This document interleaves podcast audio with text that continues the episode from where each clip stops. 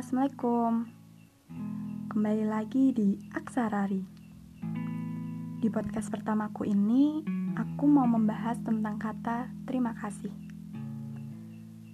Kalian pasti sering dong bilang terima kasih ke orang yang udah menolong Atau memberi sesuatu ke kalian. Tapi pernah gak sih kalian kepikiran buat bilang terima kasih ke diri sendiri? Hmm, ya terdengar aneh mungkin. Tapi menurutku kadangkala itu perlu.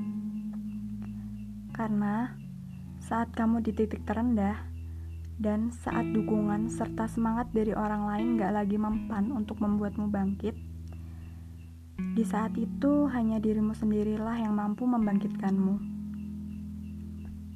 Menurutku, sebelum kamu menyuruh dirimu untuk bangkit, Cara pertama yang harus kamu lakukan adalah berterima kasih pada dirimu sendiri. Karena tanpa disadari, kamu sering membuat dirimu berlarut dalam kesedihan. Sering menekannya agar dapat memenuhi targetmu dan menguras energinya dengan amarah. Tapi tanpa disadari, kamu juga mampu melewatinya.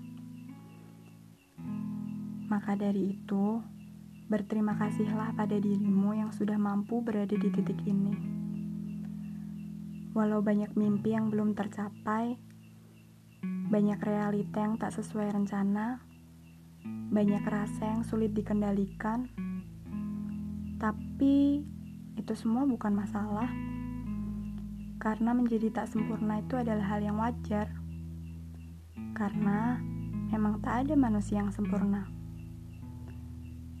Terus semangat dan jangan pernah salahin diri kalian sendiri ya. Jangan lupa terima kasih. Bye bye.